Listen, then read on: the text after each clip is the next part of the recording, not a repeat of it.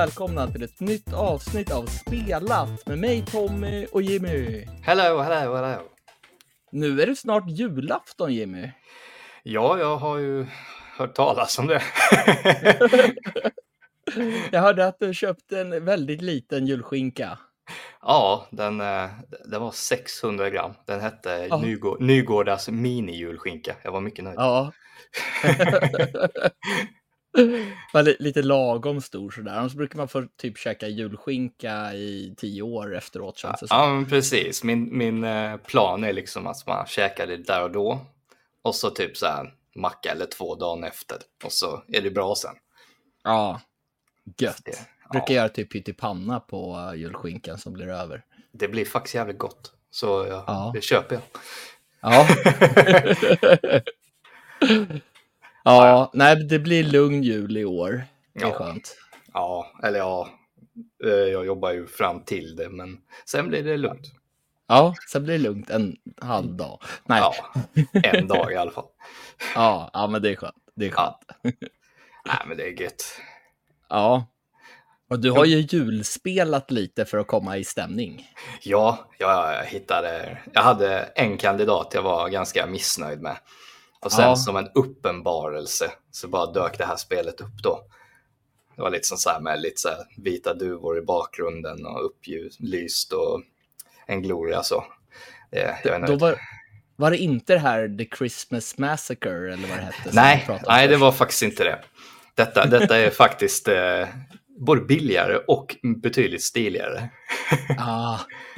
ja, det, det, såg ju lite ut som att det var något till Playstation 1, det här, The Christmas Massacre. Eller typ någon blandning av PS1 mm. och PS2. Ja, men jag tänkte också det, att det, det såg ut liksom som hacket. Tänk dig typ första Alone in the Dark-spelet till PS1. Ja. Det har du inte spelat, hör jag.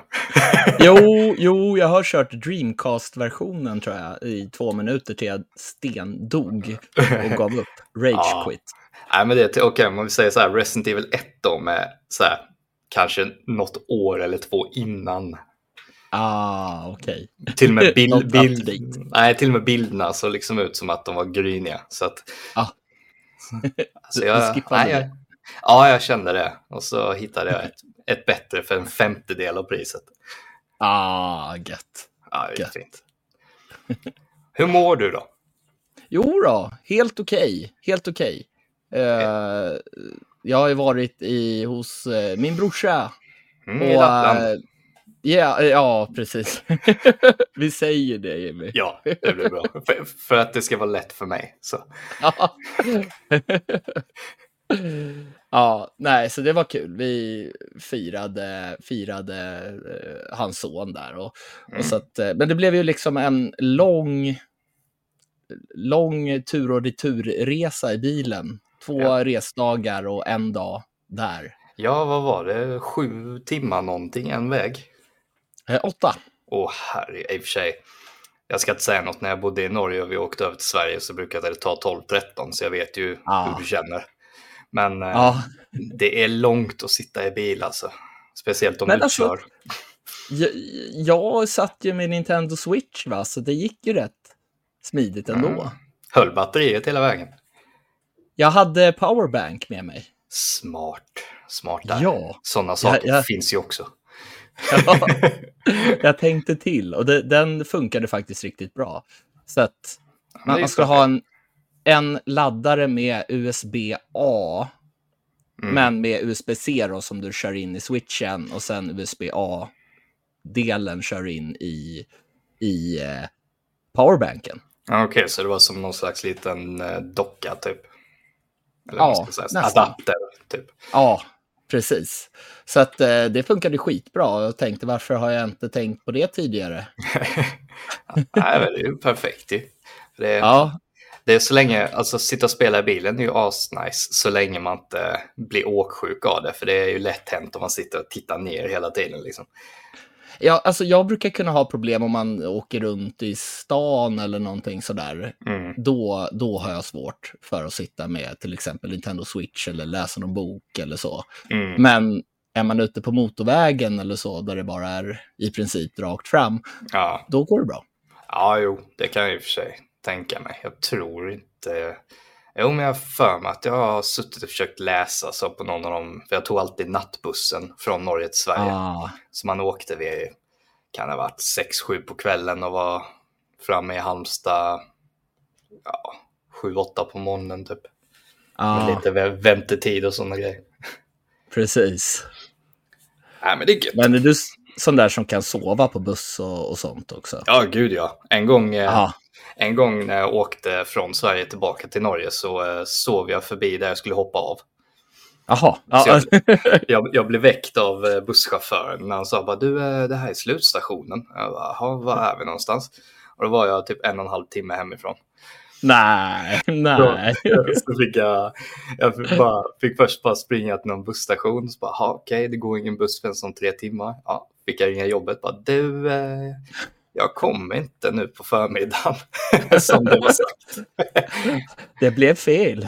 ja, så det blev en sån riktig långkörare det.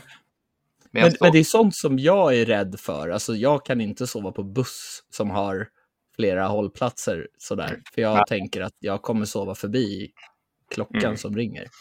Ja, men det, det är det som var så konstigt var att innan har jag alltid, alltid, alltid vaknat till oavsett stopp. Aha. Men just okay. denna gången så bara ingenting. Nej. Fan vad jobbigt. Ja, det var, den var tuff. jag förstår det. Men jag tänker vi ska gå in på spelnytt. Det, även om det kanske inte har hänt så här supermycket intressant så har det ändå hänt en del under ja, veckan. Ja, det har ju det. Vill, Och, jag, eh, va, ja, vad skulle du säga? Nej, alltså, jag tänkte säga, vill du börja eller ska jag börja? Men börjar du. Okej, börjar du nu som du, du gjorde. ja, precis. Ja, men The Last of Us Online, var det någonting du var sugen på? Nej, var inte, blev inte det lite som, skulle inte det vara lite det här PVP-aktiga i The Last of Us spelstil typ? Jo. Ja, nej, då är jag inte sugen på det. nej. nej, men då är du inte så ledsen över att det har blivit nedlagt då? Nej, det är jag ju faktiskt inte. Även om all Last of Us är bra Last of Us så, mm. Så kommer jag faktiskt kunna ta mig igenom det ja. ja, men det var lite så jag tänkte också, att om de flesta som spelade Last of Us spelar väl för berättelsen, kampanjen, mm. eller kampanjen, men, men storyn. Mm. Men sen så var ju ändå de här The Last of Us Factions, alltså de var ju populära. Det var ju många som tyckte att de var väldigt bra. Mm. Nej, men alltså jag, någon gång tänkte jag väl på att testa det, men så blev det väl aldrig av. Och sen, Nej. nu känner jag ju att de spelen spelar jag ju för att alltså storiesen är så bra så man, man nästan känner någonting, liksom, du vet. Ja, alltså jag känner väl inte heller riktigt att jag behöver en... Jag gillar ju multiplayer-spel, men jag behöver mm. inte ett multiplayer-spel just av The Last of Us, för där Nej. är det mer berättelsen ja. jag vill igenom. Ja, men precis. Alltså vill jag ha någonting från det spelet så är det ju ett nytt spel, liksom en ny gripande berättelse. Jag vill inte ha massa, mm. massa jidder. nej, nej, men alltså jag förstår ju de som kanske har tyckt att de här Factions-spelen, eller Factions, Last of Us Factions var bra. Mm. Ja, men, men jag har ju inget förhållande till den serien. Alltså jag spelade det kanske en eller två gånger och greppade aldrig riktigt. Så för mig gör det ingenting. Men jag var ändå lite nyfiken på vad det skulle vara för något. För att när, eh, när Sony köpte upp Bungie mm. så var det ju meningen att ja, men de ska se över de här live service-spelen som Sony har. Mm. Och det ryktas ju om att de sa att nej, nej, nej, det här, det här kommer inte vara ett spel som kommer leva länge, så att ni måste göra om mycket i konceptet för att det här ska ah, bli ett okay. spel som ska spelas länge och kunna vara vinstgivande då under ah. längre tid. Och, och då blev det ju mycket färre personer som jobbade med The Last of Us online och de skrev väl om konceptet och bara för någon månad sedan i november så sa Vinit Agawal, mm. eh, han som är regissör för spelet, han sa att han fortfarande jobbade på projektet. Mm. Men, men det var ju säkert sant. Det var väl säkert nu som Sony drog ut proppen eller om det var Naughty Dog, för de skrev ett inlägg på, ett blogginlägg på sin sida om att, att eh, de hade behövt ha hela sin ja, styrka, hela sin personal som skulle mm. behöva jobba på The Last of Us online under flera år framöver för att komma med nytt material. Aha, så att då var valet att bara göra The Last of Us online eller spel som fokuserar på storyn. Så där tycker jag ändå att fokusera hellre på berättelsemässiga spel än mm. The Last of Us online. Ja, men precis. Alltså, de, de vet ju hur man gör en bra story. Ja. Så det är liksom ibland är det nog bäst att bara hålla sig till det man är bäst på. Mm. Jag är mest nyfiken på deras nya IP, vad nu det ska vara för något. Ja, det är lite spännande att se när, när man börjar få någon form av hint av vad det kan vara liksom. Ja. Bara det inte är något i rymden. Ja, ja, jag håller med dig. får, gärna, får gärna finnas någon form av så här verklighetstråd i ja. spelet så blir jag jätteglad. Samma här. Men Atlas Fallen var ju ett actionrollspel som jag, jag, tyckte väl att det var helt okej, okay, men världen var inte kul och storyn var väl inget vidare så. Men jag gillade stridssystemet i det. Mm. Men Focus Entertainment har nu gått ut i en ny årsrapport och sagt att det absolut inte sålde efter förväntningarna. Mm -hmm. Och mm. det känns väl som att en tvåa ligger ganska långt bort. Ja, då hade de nog kanske fått ha ett vällyckat projekt däremellan, liksom nästan för att finansiera det. Mm.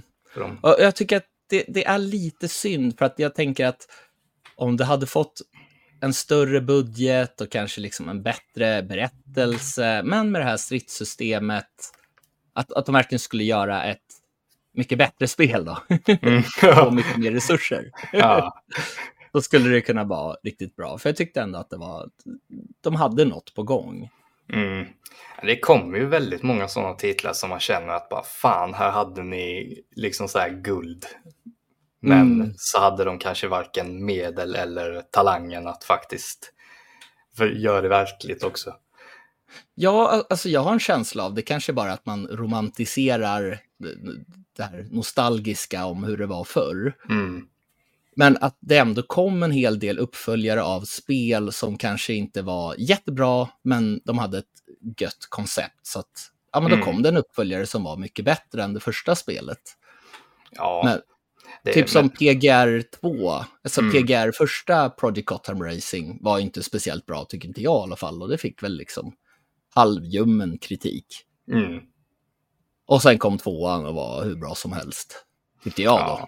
Ja, ja men det är väl liksom så här om de känner att de penga, pengafolket, eller vad man ska kalla dem, känner att bara, men här finns det liksom en ett potential. Mm. Och de kanske har kollat med lite sådana här, eh, vad heter det, de här, eh, inte intressegrupper, men eh, ja, liksom Expertgrupper eller? Ja, ja, någonting i den stilen tänker jag. Ja. Så, och liksom sen, de säger att bara, ja, det hade kunnat bli jättebra om detta och detta och detta. Och då ja. de får den bara, men då satsar vi lite mer pengar och lägger till lite mer mankraft och gör vi en uppföljare liksom. Och funkar det inte då, då är det dead och goodbye liksom. Ja, alltså jag tycker att de är väldigt snabba på att döda spelserier idag som inte blir en mm. stor succé. Nu tänker jag väl främst på Sony kanske, där är det ju verkligen mm. det här The Order 1886, va? Är det, va? Ja, något, i den stilen. ja, alltså jag, jag, tycker att det fanns någonting där. Det var inte så mycket spel, det var mest snyggt. Men... Ja, men det, jag håller med helt. Det var liksom väldigt lite du faktiskt fick göra. För det var ju nästan mm. som en kavalkad av cutscenes. Men alla de cutscenesen gav ju liksom en känsla av att det hade kunnat bli fruktansvärt bra om de faktiskt kanske skurit ner på det en 30-40 procent och gått för faktiskt gameplay. Ja, eller hur? Alltså så här, utvecklat det, gjort det större. Jag, jag brukar mm. gilla korta spel, men mer gameplay. Men ändå behålla den här stämningen som fanns. För det kändes ändå som att de öppnade upp för en uppföljare i mm. det spelet. Ja, men definitivt. De, hade, de hittade ju en, en jävligt spännande så här, subgenre, eller vad man skulle säga, med ja. så här, varulvar och typ, ja, jag kommer inte ihåg vilken eh, tidsepok det var i, men jag höll på att säga medeltid, men så illa är det inte. Aha. Men eh, så här, den industriella revolutionen där någonstans. Ja. Och det i kombination blev ju riktigt häftigt liksom. Ja, eller hur? Och, och samma med det här zombiespelet nu. Ja, jag vet ju vad det heter. Days Gone heter det. Ja. det tyckte jag var bra, men det var lite för utdraget och, och det fick ju väldigt god kritik från spelarna. Spelarna mm. tyckte ju om det. I media kanske gav det sådär en 3 av 5, 7 av 10. Mm. Men, men det var ju väldigt uppskattat av de som spelade, men det sålde inte tillräckligt bra och utvecklarna ville göra en tvåa, men det blev ingenting. För att Nej, det inte sålde så bra. Jag kommer ihåg att han eh, som ledde det projektet sa att hade, hade spelet sålts nytt så som det såldes på begagnadmarknaden sen mm. så hade det varit typ deras mest framgångsrika pro projekt någonsin. Ah. För jag, jag tyckte ju det var outstanding när det kom. Mm. Mm. Jag hade, hade så kul med de där horderna och ja, bara köra runt och liksom plöja. Ja. Det var allt jag hoppades att det här eh, andra skulle vara, som jag inte kommer ihåg vad det heter nu. Okay. Det som, ah, det som var sned nu. The day before. Ja, precis. som inte blev som någonting som de sa att det skulle vara. Ja, men precis. Nej, men det, det var ju det, de förhoppningarna jag hade om det här The Day Before. Att det bara, shit, mm. kanske det är som typ, tänk dig en kanske halvspirituell uppföljare till det liksom. Ja. Det hade kunnat vara fantastiskt. Det blev en typ en extraction shooter istället. Ja. Som inte funkar. Typ så här, ett trasigt division med zombisar. ja. ja, men det är sjukt. Alltså, så här, på typ fyra dagar så går det inte ens att köpa längre. Och det, är, det är ett spel som kräver många spelare och läggs ja. ner allting. De, ja, det, det, var ett rykte nu om, jag såg någon tråd, jag, jag har inte all information, men att de startade upp en ny studio under ett annat namn. Mm. Ja, det, det skulle, alltså, skulle inte förvåna mig. Ja. jag, jag, gissar att det kommer komma ut massa smuts från hela det projektet. Det är säkert ett år framöver. Ja. ja. Bara ny, nya människor som jobbat med det som liksom så här, ah, lättar på hjärtat. Typ. Ja. Det skulle inte förvåna mig. Eller frånskriver sig all skuld. Ungefär. Mm. Ja, de sa ju att alla pengar som de fick in skulle gå till eh, deras partners som de var skyldiga pengar. Liksom. Ja, Nej, fantastiskt. Men för att återgå då till Atlas Fallen, det är inte helt slut än. För att mm. företaget där nämner också att det kommer en förbättrad version, en enhanced edition alltså, av okay. Atlas Fallen under den första halvan av nästa räkenskapsår. Mm. Och, och, det är ju alltså april till september 2024. Okej. Okay. Ja, jag då... spelade inte klart det spelet. Jag var väl i slutet där, så att jag tänker att om jag väntar till dess så kanske jag blir lite sugen. ja, om inget så har jag aldrig spelat det, så då kan vi ju kanske få chans till att testa det med både ditt perspektiv och ett helt nytt ett. Ja, vi, vi, vi, vi får se om, om, om du blir sugen. ja, det var ju det då. Men Square Enix har avslöjat att deras japanska rollspel Saga Emerald Beyond släpps den 25 april. Mm. Och det, ja... Det har jag aldrig hört talas om. Eller så har, har jag det, aldrig... men kom, kom inte ihåg det. men har du hört talas om deras Saga-serie? Ja, ja, det har jag flera importerade till Super Nintendo. Jag trodde du skulle säga flera inplastade. ah, nej, så kul ska vi inte ha det.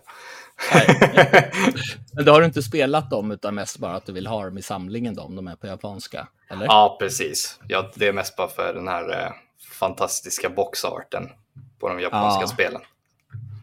Så det är alltså, jag, jag blev lite sugen där faktiskt, som man fick se. Jag blev lite sugen, det låter som att jag skippar det här spelet. Men, ja. men Men eh, man fick se en trailer för eh, huvudkaraktärerna Emaya Aisling och Tsunori Mido. Ja, de ja. ja, mina uttal. Eh, och så fick man se lite gameplay då som strider och något pussel och hur det ser ut när de rör sig mellan olika destinationer. Mm.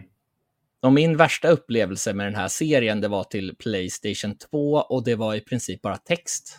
Oh. Det var som ett text-JRPG och jag vet ju att de här klassiska, det finns ju klassiska rollspel och äventyrsspel som bara var text. Mm. Men om du förväntar dig kanske något väldigt grafiskt snyggt spel som jag gjorde efter att jag hade sett massa bilder och då bara fick i princip text. Ja. Tyckte inte att det var så kul. Nej, alltså det har man ju varit med om mer än en gång. Att man ser Ja. bara, oh vad amazing. Det var bara det att de tryckte in allt som var amazing i trailern. Ja. ja det, då på den tiden när det var Playstation 2, då fanns det ju inte heller så himla... Det var inte så jättelättillgängligt med ens bilder ibland, utan man fick se någon bild här och var på nätet. Mm. Det var, var inte stora trailers man fick se. Nej, nej. Det är ju det. Men fick man då en bild så fick man ju nästan ta det som sanningen liksom. Ja, eller hur? Nej, men Nej, jag, så det, det spelet har jag inte spelat så himla mycket. nej, jag, jag förstår det. Ja. nej, men jag tittar Men- lite bilder på det nu och det, mm, det Ja. kan vara något. Det kan vara något. Ja, det, det har ju tydligen en väldigt bra story, säger de ju ofta. Eller det här Playstation 2-spelet ska ju Mm. tydligen ha en väldigt bra story i alla fall. Bara att man ska vilja ta sig igenom den storyn också. Det var ju den biten med. Ja. Men eh, Saga Emerald Beyond släpps till Playstation 5, Playstation 4, Nintendo Switch och PC den 25 april 2024. Mm, Okej. Nej, men det... Jag, jag gillar den sortens grafik med, så det kan nog hamna på en eh, vill spela-lista, tror jag. Eh, Lite som vi pratade om förra, förra veckan, det här med att de här långa spelen som inleder året. Mm. Det var ju det då. Får se om vi är klara med det till den 25 april. Då. Ja, jag misstänker att vi är klara med det till april 2027 ungefär. Om man ska liksom så här verkligen njuta av alla titlarna. Jaha, ett tufft liv vi lever. eller hur? Ja, nej, men då är det din tur. Har du snappat upp något i veckan? Ja, det har ju varit eh, en ganska stor läcka hos eh, Spiderman 2-utvecklaren Insomniac Games. Ja, ganska enorm läcka. Ja, det är så. Eh, en ransomware-grupp har kommit över eh, upp till 1,7 terabyte data och 1,3 miljoner filer från Insomniacs servrar. Ja, de, de vill ju ha bitcoins som var värda, var det, två miljoner dollar eller Ja, något sånt där. Ja, För precis. att någon ska få den här informationen. Men jag vet inte hur det utmynnade. Den har ju läckt i alla fall. Ja, nej, de, eh, de krävde ju 2 miljoner dollar i bitcoins då och eh, Mm. ja, Insomniac vägrade. Så då eh, läcktes det ut på nätet, precis som de lovat i eh, går som är då måndagen.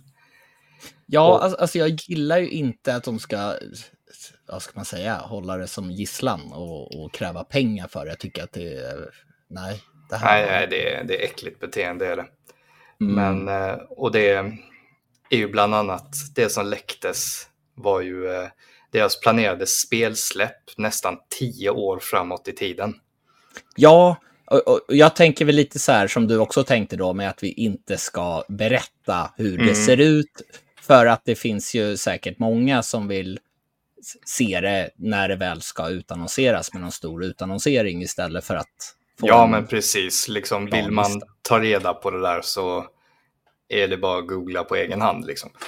Ja, Men det som jag tycker är nästan värst av det här, det är ju alltså spelsläpp framåt, det är en sak. Men det är liksom personuppgifter om företagets Ah. anställda som också har släppts ut.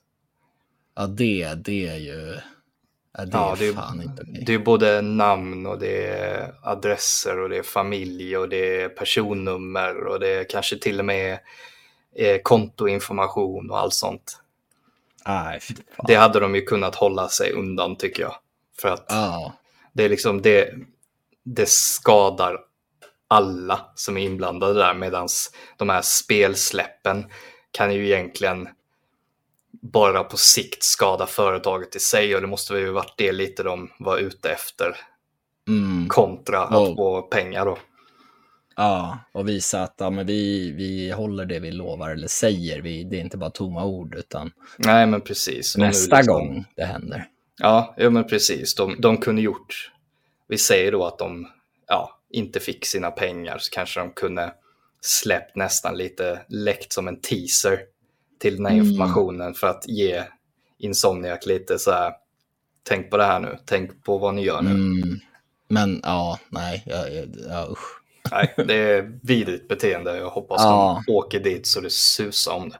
Ja, verkligen.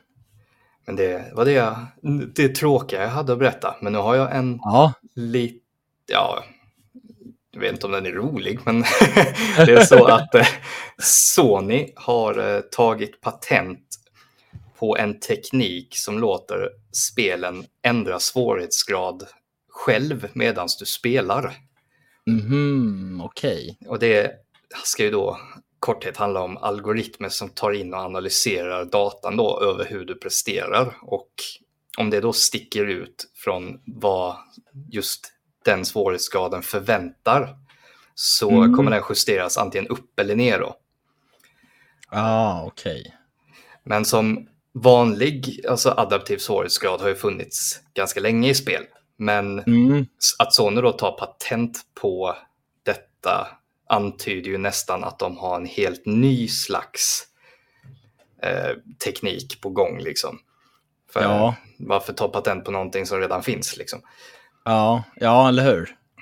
Men eller hur? det är ju som sagt det är ingenting som är bekräftat egentligen på något sätt utöver patentansökan. Alltså företag söker patent på väldans massa grejer som aldrig används ja. bara för att säkra upp sig. Men mm. det kan bli lite intressant att se det där. Jag gillar ju inte riktigt det då. Nej. jag ska vara lite negativ. För jag, jag är lite sådär att ja, men om jag vill ha en svår utmaning, då väljer jag en högre svårighetsgrad. Vill jag ha medel, ja men då sätter jag på normal och förväntar mig att få en normal spelupplevelse. Mm. Jag vet inte.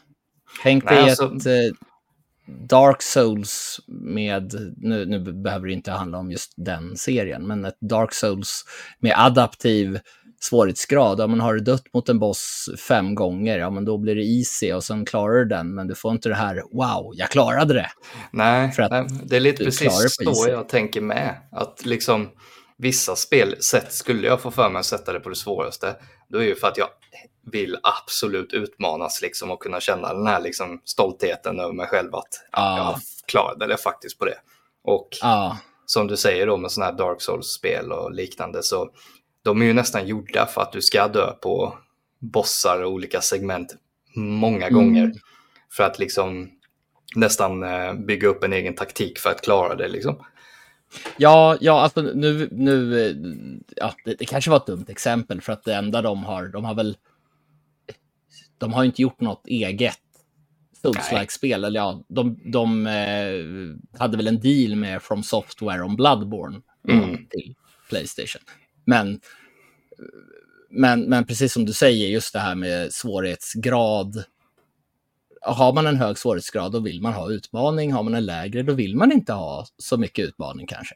Nej, nej men precis. Men alltså, det var ju, Dark Souls var ju egentligen ett bra exempel för det finns ju motsvarigheter sett till svårighetsgrad ja. i absolut alla andra genrer och spelserier också. Mm, mm. Det, är ju, det är ju samma om vi säger att du vill ha världsklass på Fifa liksom.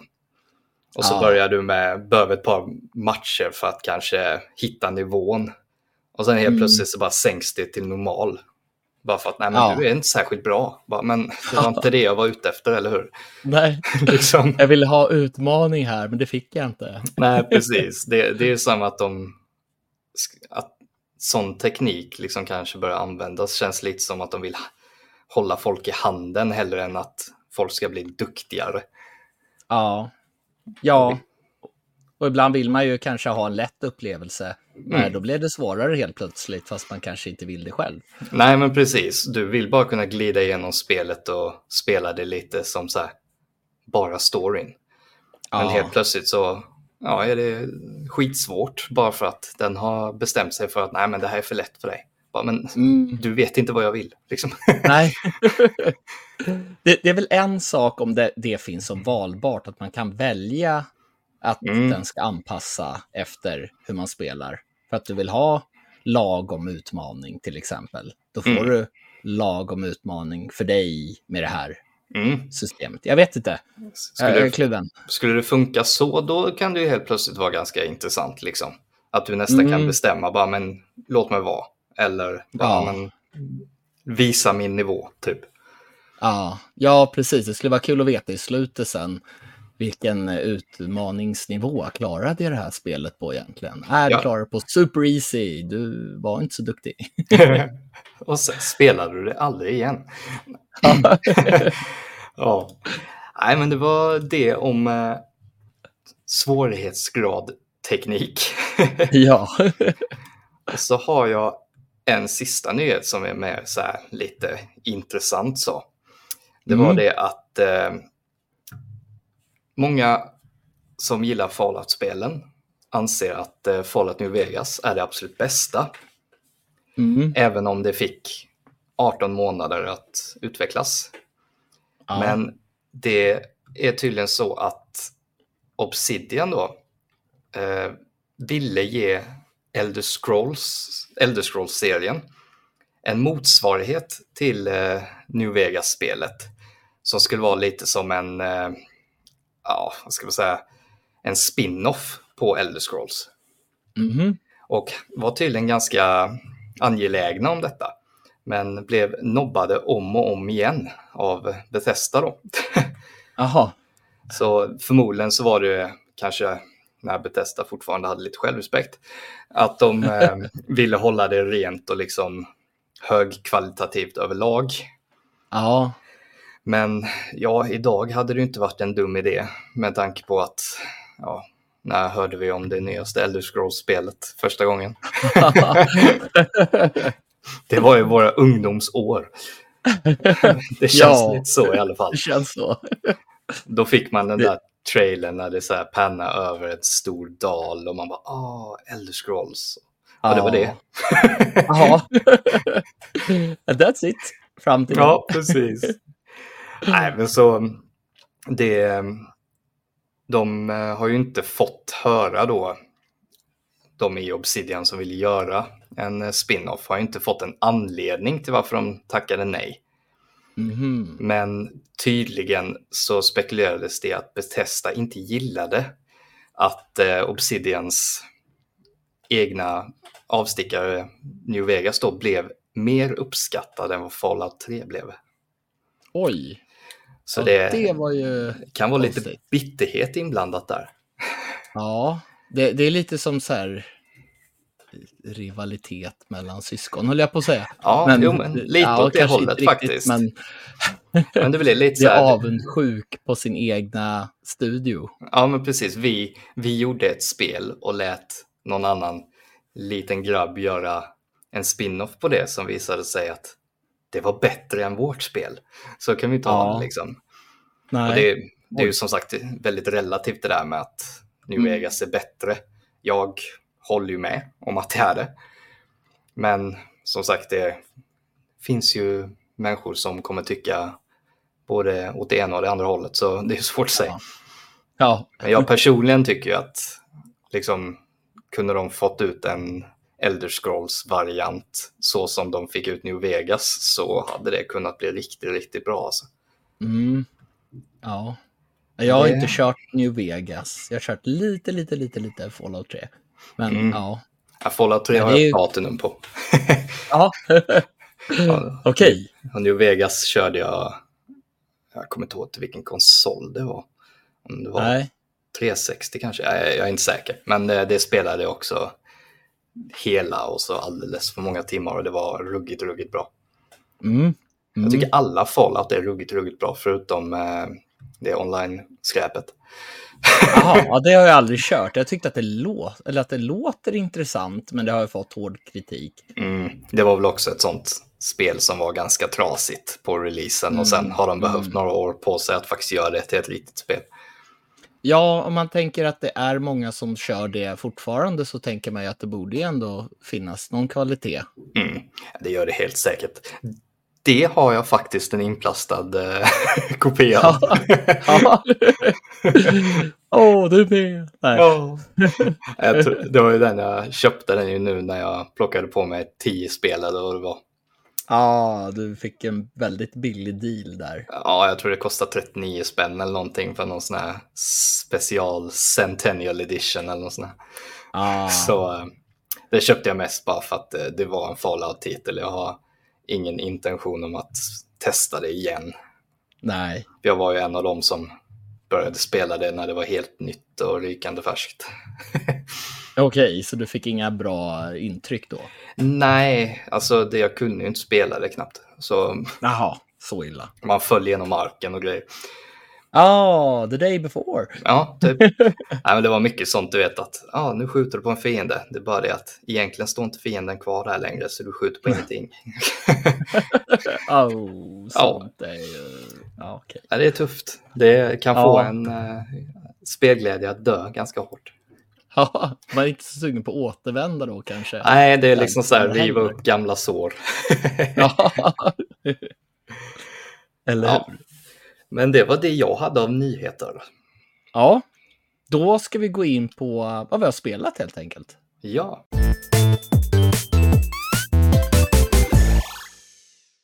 Ja, Jingle Bells, Jingle Bells. Nej, jag ska inte sjunga för det låter för jävligt. vad... vad, vad har du spelat för juligt spel den här veckan, Jimmy? Ja, jag eh, letade ju som sagt ganska länge efter ett eh, julinspirerat spel att ja. eh, köra. Och till slut hittade jag ett som eh, heter Santas Monster Shootout till eh, PS4 av studion mm. N-Twinkler X. Okej. och då tänker ju du, vad är en Monster Shootout? Ja. Jag kan bara säga att det är jultomten med en minigun. Jaha. det är något av det simplaste jag varit med om i hela mitt liv, men det var ändå så roligt. Okej. Okay. Det är en uh, side-scroller shooter där man uh, styr jultomten. Är det 2D eller? Ja, precis. Och uh, ska bara mer eller mindre ta dig framåt igen på banan och skjuta absolut allt och alla du ser framför dig eller bakom dig. Det här låter ju typ som Metal Slug Christmas version. Typ. Ja, typ förutom att ja, du, du kan bara gå. Du kan inte göra ja. något, du kan inte hoppa eller någonting. ja, det är då, man börjar med en helt vanlig pistol och eh, den får du ju tappa frenetiskt på när du ska skjuta ihjäl alla de här fienderna. Mm. Och eh, det ledde ju till att jag fick ganska rejäl eh, kramp i näven helt i starten där. För, eh, för varje fiende du dödar så får du en liten summa pengar som du sen då vid slutet av banan kan investera i kanske ett nytt vapen eller mer ammunition. Får du mer pengar om du gör några kombinationer och skjuter flera i rad? Eller ja, nej, nej.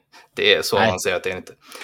Det är, det är, verkligen så här, det finns typ fem fiendemodeller och fem bossmodeller mm. Som bara går på repeat i 40 banor. Jaha, okej. så eh, jag började ju då med vanlig pistol och fick tappa som bara attans.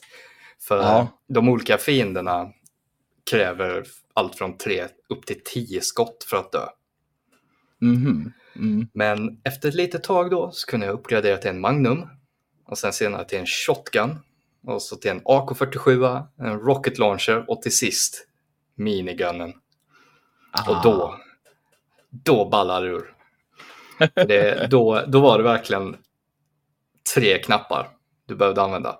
Det var så här, mm-hmm. vänster, höger, är rätt. Det, är liksom, det var bara att hålla inne skjutknappen så bara mejar du absolut allt och alla. Och du tog platinum. Jag gjorde ju det. Ja, du gjorde det? ja, på två timmar. Ja, jäklar. Åh, det måste vara väldigt korta banor då. Ja, de är, vad kan de ta, ett par, tre minuter bara beroende på liksom. För att det kommer ju ibland fiender från bägge håll. Mm. Och i starten där när du hade ett, en vanlig handgun så fick du ju tappa ganska intensivt. För att Ja, du tog, det tog inte väldigt mycket skada innan du var död. Så kan man säga. okej. Det var så här en, två, tre sekunder kanske. Och att de stod och hackade på dig lite så här lätt. Så Ja. var du död då. Men alltså, det var ju som sagt fem fiendemodeller och fem bossmodeller. För du möter Mm. en sån boss i slutet av varje av de här 40 banorna då. Ja, okej. Och Då kunde det vara exakt likadan. Var de exakt likadana och lika svåra? Alltså alla, alla kände som att de tålde identiskt mycket. Det var bara det att de Mhm. ja, såg lite olika ut. Det var en variant i två olika färger och så ja, lite åt det hållet liksom. Så det var ju inte världens mest kreativa. Nej. Alltså, ja, det, det, var, det var ju ändå skitkul, verkligen. Okej. Så det- det... simple fun. Ja, men precis, för det var en sån en hårdrocksvinjett som bara drog på repeat i bakgrunden hela tiden och jag bara plöjde fiender på löpande band. Liksom. Det är så här julig hårdrock. Ja, precis. Och jag måste ju nämna det att det kostar 20 kronor på Playstation Store. Ah, Så jag visste är ju det, att var det någon rea? Eller var Nej, nej, det var ordinarie pris. Okej, Du hittade en hidden gem. Jag vet- vet ju några som eh, brukar köpa de här billiga spelen för att Mm. hoppas på att det någon gång ska komma något bra. Och du hittade något som var... Ja, jag hade turen att bara så här, gå igenom så här, nyaste releaserna. Och så Ja. såg jag ett omslag där med jultomten och ett hagelgevär och tänkte att nej, nu, nu har jag hittat hem. Nu, nu är det Jimmys jul. Ja, precis. Så eftersom det tog typ två timmar att dra den här platinumen så har jag ju betalat en tia i timmen. Och det får man ändå Ja. säga är väldigt prisvärt. Eller hur? och det roliga är att grafiken var ändå väldigt, den var så jävla crisp liksom. Den var Mhm. Väldigt fina linjer kan man säga. Mm. Även om spelet då i sig bara var utmanande i starten. Ja, jo, jag kan tänka mig det att det blev. För då var det liksom, då var det ju krampdragningar i näven så jag var, nästan behövde liksom byta finger ibland. Men vilket jag Det var sköt. nästan att du gav upp där då, eller? Ja, men, så, men sen då när jag väl började komma någon vart så bara, nej, nu, eh, nu kör vi på. Så där på, ungefär på bana 30, då kände jag Ah. att nu måste jag köra klart här. Ja. Så det var, Och nu, vad hände nu? jag tror det är någon som borrar.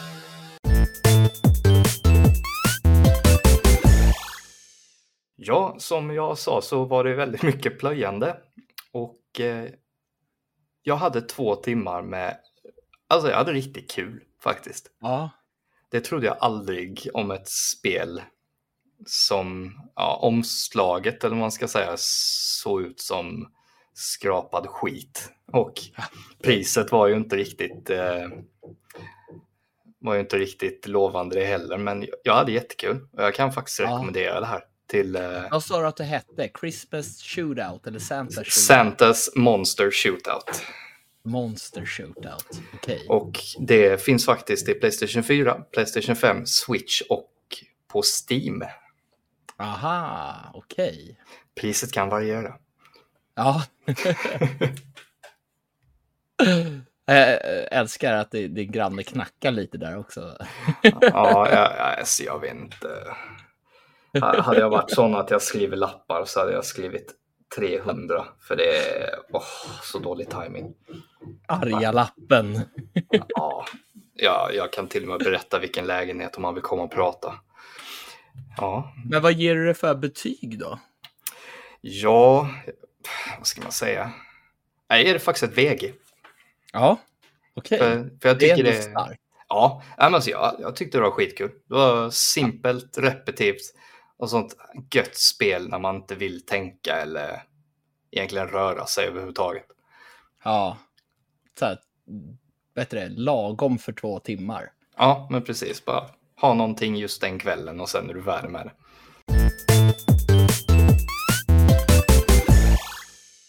Ja, Tommy, du har ju också spelat lite denna veckan. Kanske inte julspel, men eh, ändå. Nej.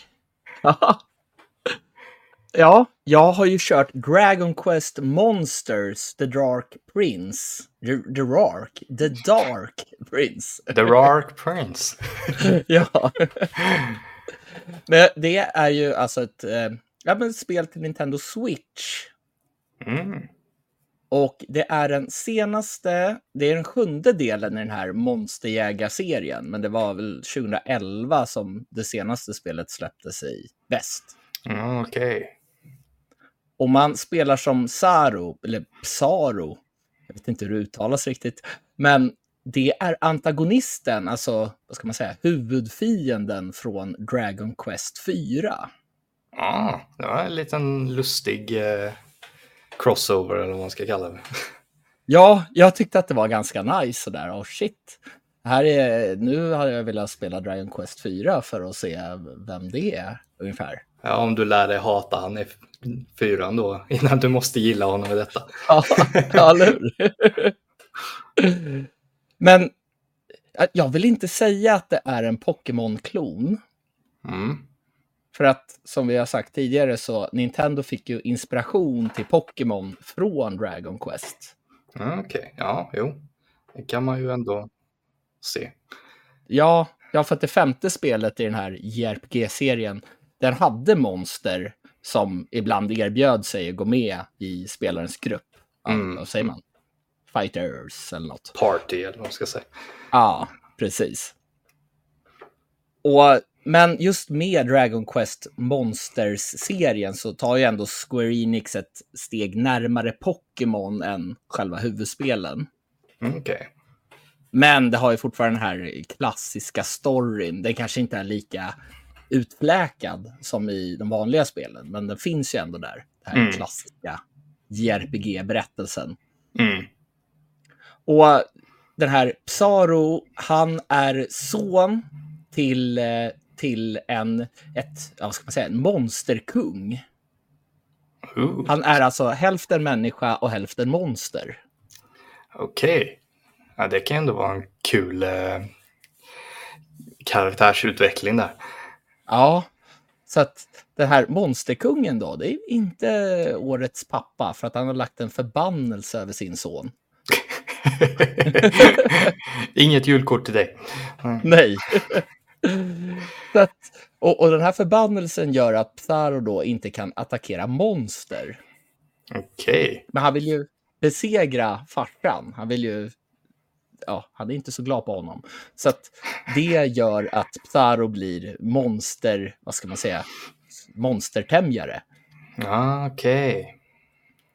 Och, och, det gäller att skapa liksom en bra sammansatt kombination av monster. För man kan slåss med fyra stycken monster samtidigt. Mm. Alternativt tre till exempel om du har en stor, eh, en, en stort monster med dig också. Mm. Så det är typ som att eh, du ska fylla ut utrymmet mer. Så, så säger vi om du har två stora monster så kanske du bara kan ha de två. Eller?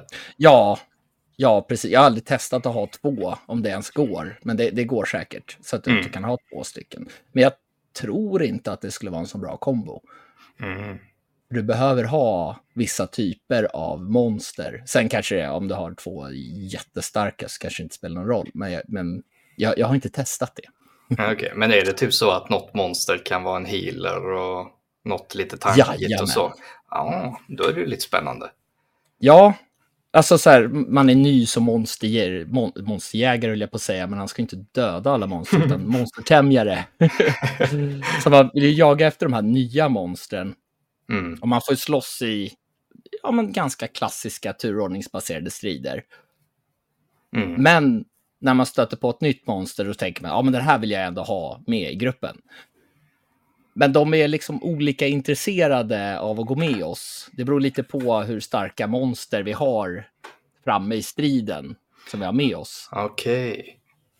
Och, och då kan man övertyga dem lite extra med att kasta något godis eller så. Och sen kanske det blir, ja, 25 procent fick du här nu när du försöker få med den här. Mm. Ja, det är inte jättestor chans, men, men det går ju ändå. Mm. Du kanske lyckas om du försöker fyra, fem gånger och sen får den. I alla fall. Okej. Okay. Och i de vanliga striderna, när man eh, springer runt på fältet, eller vad man ska kalla det, så mm. kan man välja bland de olika förmågorna, till exempel någon som attackerar alla fiender, någon kastar någon blixt och ja, men lite sådär. Mm. Men en sak jag var lite kluven till, det är att när man kommer till vad ska man säga, huvudsakliga målet sådär, som introduceras i början, det är att man ska vinna olika turneringar. Mm. Och då slåss de här monstren fritt, relativt fritt. Så okay. du kan liksom inte välja exakt vad just den där karaktären ska använda för förmåga. Okej, okay, så du får egentligen bara, du får bara välja vilka du ska ha med och sen får de göra vad de vill typ? Eh, lite åt det hållet, inte riktigt. Så att det, det är mer sådär att du ska forma gruppen då så att du har väl sammansatt eh, grupp. Mm. Så att du kanske har någon som delar ut rejält med fysisk skada, någon kan förse karaktärerna med liv, en healer, mm. och någon kan dela ut negativa effekter till motståndaren och någon annan kanske liksom buffar upp laget. Okej, okay, så det, det handlar mest om hur du komponerar ditt lag då? Ja, och man kan välja sen också så här att ja, men den här, just den här karaktären då ska vara en healer, så att då sätter du på att ja, men fokusera på healing. Ah, Okej, okay, så, du, du, kan ju, ja, så du kan i alla fall liksom styra dem lite grann så att det inte blir helt vilda västern. Ja, precis. Så att inte den här healen då helt plötsligt börjar göra, har någon attackmagi och kasta den istället för att heala någon som håller på att dö. Mm. Ah, okay, men då, då låter det ju lite, lite mer intressant. ja, alltså jag tyckte att när jag väl förstod, jag har inte spelat någon annan del i den här serien, men när jag väl förstod det så tänkte jag, men shit, jag började googla så här, men hur använder jag olika förmågor i strid? Där, det går inte. och då i början kändes det väldigt sådär, nej, det här känns självspelande. Men det är om du ser, om du ser en fight där, ja, nej, du förlorade här, det här. Du vann inte den här turneringen. Mm. Men då måste jag fundera på, okej, okay, vad behöver jag justera? Mm. Kanske behöver jag ändra någonting i inställningen, alltså på de här karaktärerna. Kanske måste jag levla upp dem mer. Kanske ska jag byta ut någon mot någon annan karaktär som jag har med mig som gör att ja, men det här blir bättre mot just de här fienderna i den här turneringen. Mm. Det kanske är någon som är väldigt, ja men kastar massa ja, vad ska man säga, en viss attack som är bra att ha en viss karaktär med då, för att mm. liksom stoppa den. Mm. Så, så, så, så jag, jag, tycker faktiskt att det funkar, jag blev förvånad. ja, alltså när du förklarade det först där så var jag väl lite så här, mm. Men mm. när man ändå kan komponera lag och liksom deras roller så har man ändå varit deltag, man har ändå deltagit nog för att känna att man eh, faktiskt har bidragit någonting till det. Ja, ja, så det är inte bara så där att om du möter, om du stöter på och får massa nya starkare Pokémon, skulle jag på att säga, men monster. Så, så, är det ju inte bara att du kastar in alla i laget, för det kommer inte funka då om du inte har alla olika, vad ska man säga, sorters tekniker. Eller ja, du kan mm. ha en mm. healer och du kan ha olika, vad, vad säger man? Olika klasser. klasser, tack. Varsågod. tack. Men man kan inte bara hitta dem ute på fältet, utan man kan också ta fram genom att två monster parar sig och får en avkomma. Trevligt.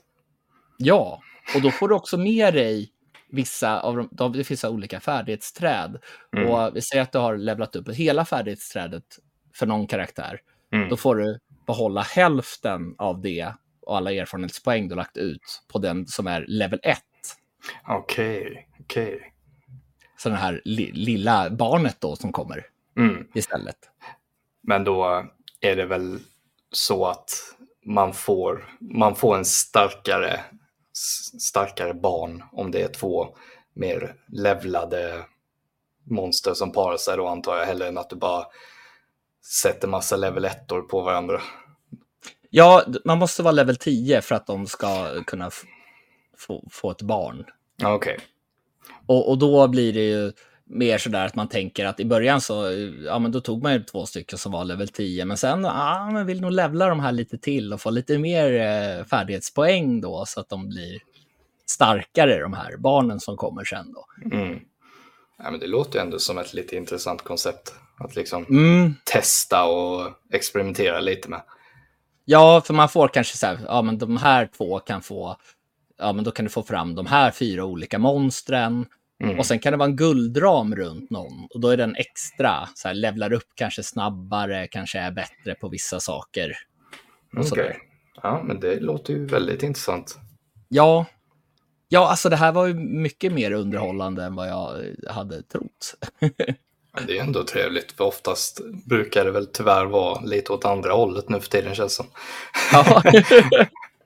ja, men alltså, det blev så här beroendeframkallande, fast positivt beroendeframkallande. Då. Man ville så här, ja men jag ska ut och slåss lite mot fiender här. Och, ja men nu, nu känns det här delen för lätt, nu måste jag progressa i storyn för att komma till ett nytt område där jag kan möta svårare fiender och kanske få lite nya fiender till laget mm. och så vidare. Ja, alltså hade, hade jag inte vetat så, så låter det lite Pokémonigt när du förklarar ja. det. jo, jo, men alltså jag som sagt har ju ingen stor koppling till Pokémon. Nej. Men jag tyckte inte att det var någon speciell story i Pokémon. Nej, inte vad jag vet. Jag har ju inte spelat spelen utan jag har ju bara tittat på avsnitten när jag var liten så jag kan inte riktigt säga så mycket om det. Nej, nej det, det, är väl min förutfattade mening det här med du ska bli Pokémon-mästare eller vad det heter. Mm. Och vinna i de här gymmen. Du har i och för sig turneringarna här så det blir väldigt lika. Men du har samtidigt en bakomliggande story. Det kommer någon intressant karaktär in och ja mm. men. Och sen kommer någon mystisk karaktär. Vad vem är det här då? Är det någon speciell eller? Ja men. Och du har den här monsterfarsan då som du ska spöa. Mm. Så det finns ändå så, lite mer. Ja, om jag tror att Pokémon är som jag tror att det är. och det får du tro. Ja, så, så är den här klassiska storyn det som får mig ändå att tycka att det här är kul. Jag kanske skulle tycka att Pokémon var jättekul om jag spelade dem. Men det kanske är lite som Pokémon fast det är ja, omskriven story. Du ska inte bli Pokémon-mästare, du ska spöa den här farsan, du ska du ska, ja, du ska inte bli Pokémon-mästare, du ska slå ihjäl pappa. Vuxenutgåvan. ja. Okej, okay, det här låter ganska sjukt. Men, men ja, den här monsterpappan är ju såklart väldigt ond då. Det är ju liksom mm. monsterkungen. Mm. Men de har också så här ett system då för årstider där de går från vinter till exempel, då vissa vattendrag då är frusna så man kanske hittar någon hemlig grotta där då som man kan gå in i för att okay. nu kan det gå över isen. Ja, det är ju lite coolt. Ja, jo, men det är väl lite så här extra ingrediens ändå. Att man kan mm. gå på samma ställe och ja, men på vintern, ja, men då är det så här, då kan du komma in här borta och sen blir det höst till exempel. Det blir det inte direkt efter vintern såklart då, men... men, men om det är höst till exempel så finns det lövhögar på marken och där kan det ligga massa prylar då eller fiender mm. som hoppar fram. Okej. Okay. Ja, men det var en liten nice touch. Mm. Vid någon årstid då kan man klättra upp för rankor som växte starka till exempel. Så det är lite sådär ja, men det ändrar sig lite ut efter årstid. Mm. Det finns återbesöksvärde liksom. Ja, ja, men det tycker jag. Det, det, är också så här om du ska levla dina karaktärer, då kan det ändå vara trevligt så här. Ja, men nu blir det en ny årstid och här var en ny fiende som vi kanske ska försöka få tag på. Mm. Nice. Så att, ja. Men jag hade ju ändå föredragit att ha full kontroll över de här monstren då under turneringarna. Det hade ju varit bättre. Nu är det ju mer sådär, nu är du en tränare här. Mm. Som står vid sidan om och säger lite vad de ska göra, men de gör lite som de vill. Ja, nej men det, det fattar jag ju. Det hade jag väl nog känt själv också. Att det blir ja. kanske lite för mycket stå vid sidlinjen ändå. Ja, det var liksom sådär. Jag tyckte att det var roligare än det var, men jag hade ändå föredragit att få ha full kontroll och känna att jag inte bara trycker på fight mm. up eller, eller kan inte ja. ens använda föremål då i, i de striderna. Man ja. kan ändra taktiken, det är det man kan göra. Ja, nej, men det fattar jag ju. Det, det låter ju inte superduper kul. Sen, sen, tycker jag väl ändå storyn, ja men den är mysig och sådär, men det hade väl kunnat få ta ännu mer plats för min mm. del. Det hade inte gjort något. Och jag, jag tycker om den här känslan av att om du kanske kommer till en så här stor fiende så att det blir nästan en bossfight. För att, mm. ja, men, man stöter på dem mitt ute i vildmarken säger vi, för att du har ju inte riktigt de här bossstriderna när du kör de här turneringarna. Nej. Men om du möter en sån här stor fiende ute på fältet, ja men då har du ju full kontroll. Och du måste, om du slår den här, om du vinner mot den här stora fienden som är som en bossfight, mm. då kan det vara så att den här fienden vill gå med i ditt team. Det behöver inte vara så. Du kan ha kämpat där och sen eh, lyckas du till slut och sen så ja, skiter han i det. Eller du måste ändå bygga upp den här procentsatsen. Eller är det random då? För Nej, det är lite mer random om den, det står typ, om den ställer sig upp och vill gå med i ditt team så får du med den. Okej, okay, men det är, ändå, alltså det är ändå lite coolt så sätt, för man tänker att du inte liksom ska känna någon garanti att du mm. kommer få de här lite ovanligare, stora, starka monstren liksom. Ja, jo men precis. Det är som, så kan du få möta dem i turneringarna också, sådär stora fiender, och då kanske du vill ha någon själv också. Mm. Så att på det stora hela så tycker jag ändå att det är ett underhållande, ja, monsterjägaräventyr har jag skrivit i mina noteringar, men jag vet inte vad jag ska beskriva det. ja, ja, monsterjägaräventyr eller monstertämjaräventyr eller bara, bara ett äventyr. Ja. På något sätt så tilltalar det ändå mig mer än Pokémon, som jag inte har så stor koll på, mm. så här, med den här klassiska berättelsen. Så mm. jag ger det ett G+. Men det är ju ändå det är ändå ett hyggligt betyg liksom, får jag säga. Ja, ja jag tycker att det är mysigt. Mm. det är, jag blev mer beroende, fram, eller jag blev mer beroende, men jag blev lite mer beroende av det, så det är svårt att sluta när man väl börjar. Ja, men jag ska bara levla upp lite. Ja, men här var ju någon ny fiende jag ska ha med i mitt lag mm. här. Då. Så vi kan säga att detta var ett bra bilspel? Ja, det var det. Fast inte när du kör. Nej. Det får vi tillägga.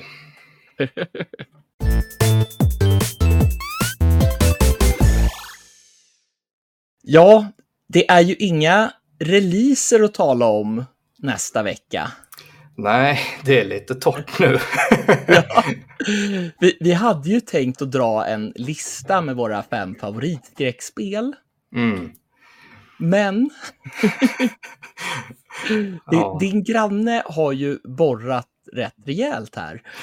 Ja, och jag är inte nöjd. Nej.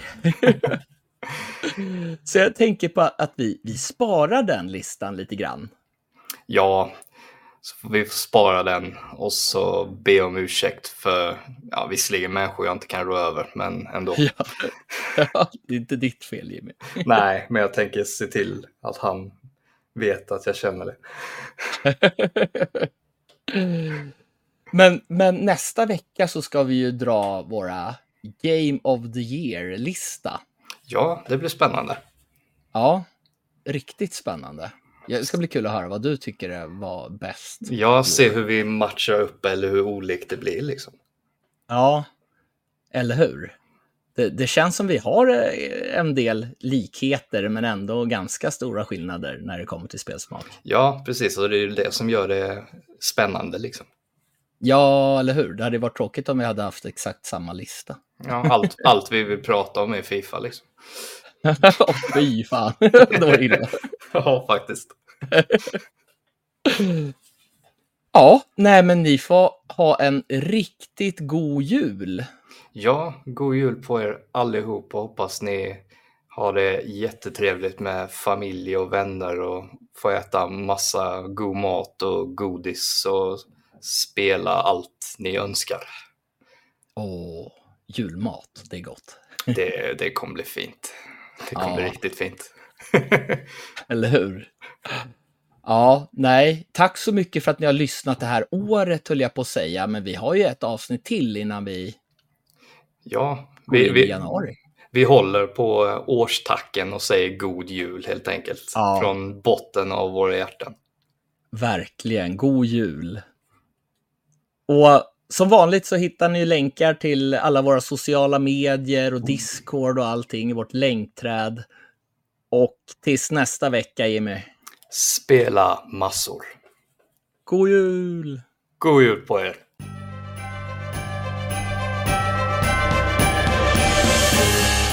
Nu är vi tillbaka efter en liten kortare boardingspaus hos Jimmy. Ja, jag, jag blev inte alls ilsken eller så. Nej. Men ja, eh, han börjar igen. Nej. Alltså, fan.